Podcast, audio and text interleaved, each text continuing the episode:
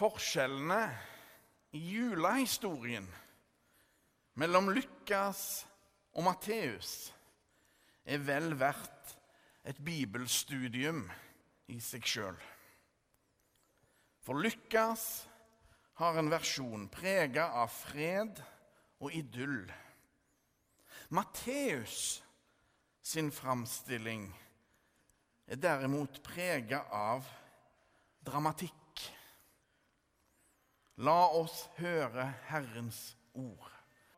Det står skrevet i evangeliet etter Matteus.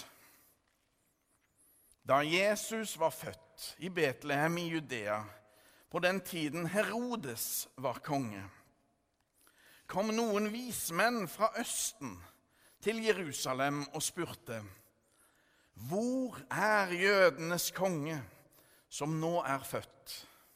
Vi har sett stjernen hans gå opp, og vi er kommet for å hylle ham. Da kong Herodes hørte det, ble han svært urolig, og hele Jerusalem med ham. Han kalte sammen alle overprestene og folkets skriftlærde og spurte dem ut om hvor Messias skulle bli født. I Betlehem i Judea, svarte de, for slik står det skrevet hos profeten. Du, Betlehem i Judaland, er slett ikke den ringeste av fyrstene i Juda. For fra deg skal det komme en fyrste som skal være hyrde for mitt folk Israel. Da kalte Herodes vismennene til seg i all stillhet og spurte dem nøye ut om tiden da stjernen hadde vist seg. Så sendte han dem til Betlehem og sa, Dra av sted og forhør dere nøye om barnet. Og når dere har funnet det, så meld fra til meg for at også jeg kan komme og hylle det. Da de hadde hørt kongens ord, dro de av sted. Og se, stjernen som de hadde sett gå opp, gikk foran dem, inntil den ble stående over stedet der barnet var. Da de så stjernen, ble de fulgt av jublende glede. De gikk inn i huset og fikk se barnet hos moren Maria. Og de falt på kne og hyllet ham. Så åpnet de skrinene sine og bar fram gaver til barnet. Gull, røkelse og myrra.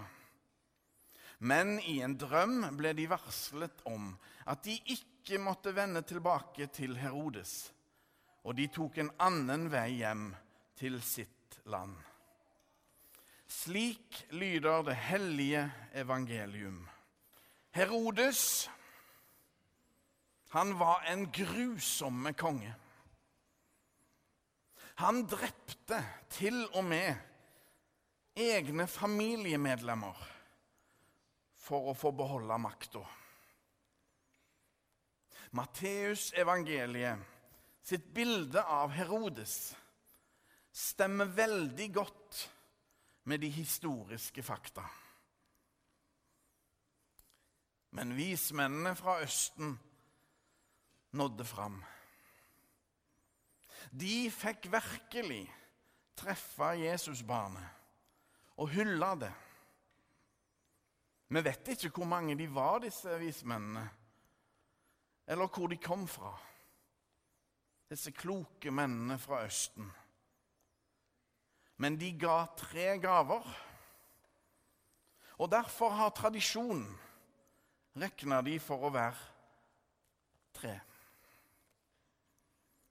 Ved å studere stjernenes og planetenes bevegelser i forhold til jorda mente de å kunne tyde hva dette betydde for oss. Altså en slags astrologi, om du vil. Vismennene fulgte stjernen, som viste at det hadde skjedd noe fantastisk. At en store konge var blitt født. jødenes konge, som de sa.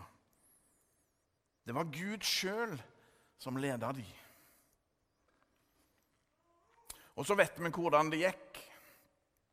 Herodes ble rasende over at vismennene ikke gjorde som avtalt. Og resultatet ble rå makt med drap av uskyldige barn. Men den hellige familien slapp unna ved å flykte til Egypt. Noen tror fremdeles at det er mulig å tvinge mennesker til å tro, eller ikke å tro. Og Derfor er frykt noe mange må leve med den dag i dag. Noen makthavere tillater ikke trosfrihet. De prøver å styre og begrense menneskers indre liv, tanker og tro. Det er nok av makter og myndigheter som tenker som Herodes. Det er nok av de som fremdeles vil drepe Jesusbarnet og troen på han, både i bokstavelige og i overførte betydning. Men Jesus er og blir seierherren. Ingen kan begrense Guds kjærlighet. Ingen kan stoppe Guds frelsesplan. Se på dette tablået. Gud lister seg inn i verden. Han blir en av oss, fullt og helt. Som sann Gud og sant menneske. Gud sjøl har gått på jorda. Gud har latt sin stemme lyde som spinkel barnegråt eller barnelatter. Guds sønn har spist, har drukket. Ja, Gud har brukt bleier. Gud har lært å gå. Han har lært å snakke. Gud har levd som et menneske blant mennesker.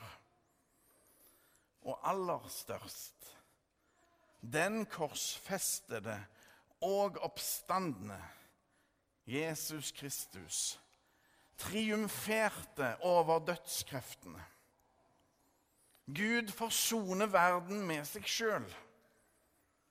Det gode overvinner det onde. Poenget på Kristi åpenbaringsdag er Jesus er så store at han er større enn alt som skiller oss fra hverandre.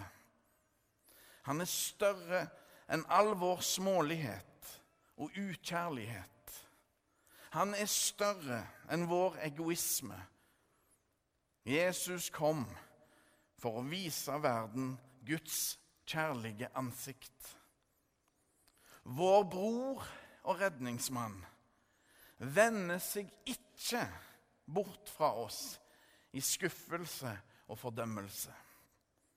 Nei, Jesus ser på oss med et åpent og vennlig ansikt, der vi kjenner oss sjøl og våre medmennesker igjen.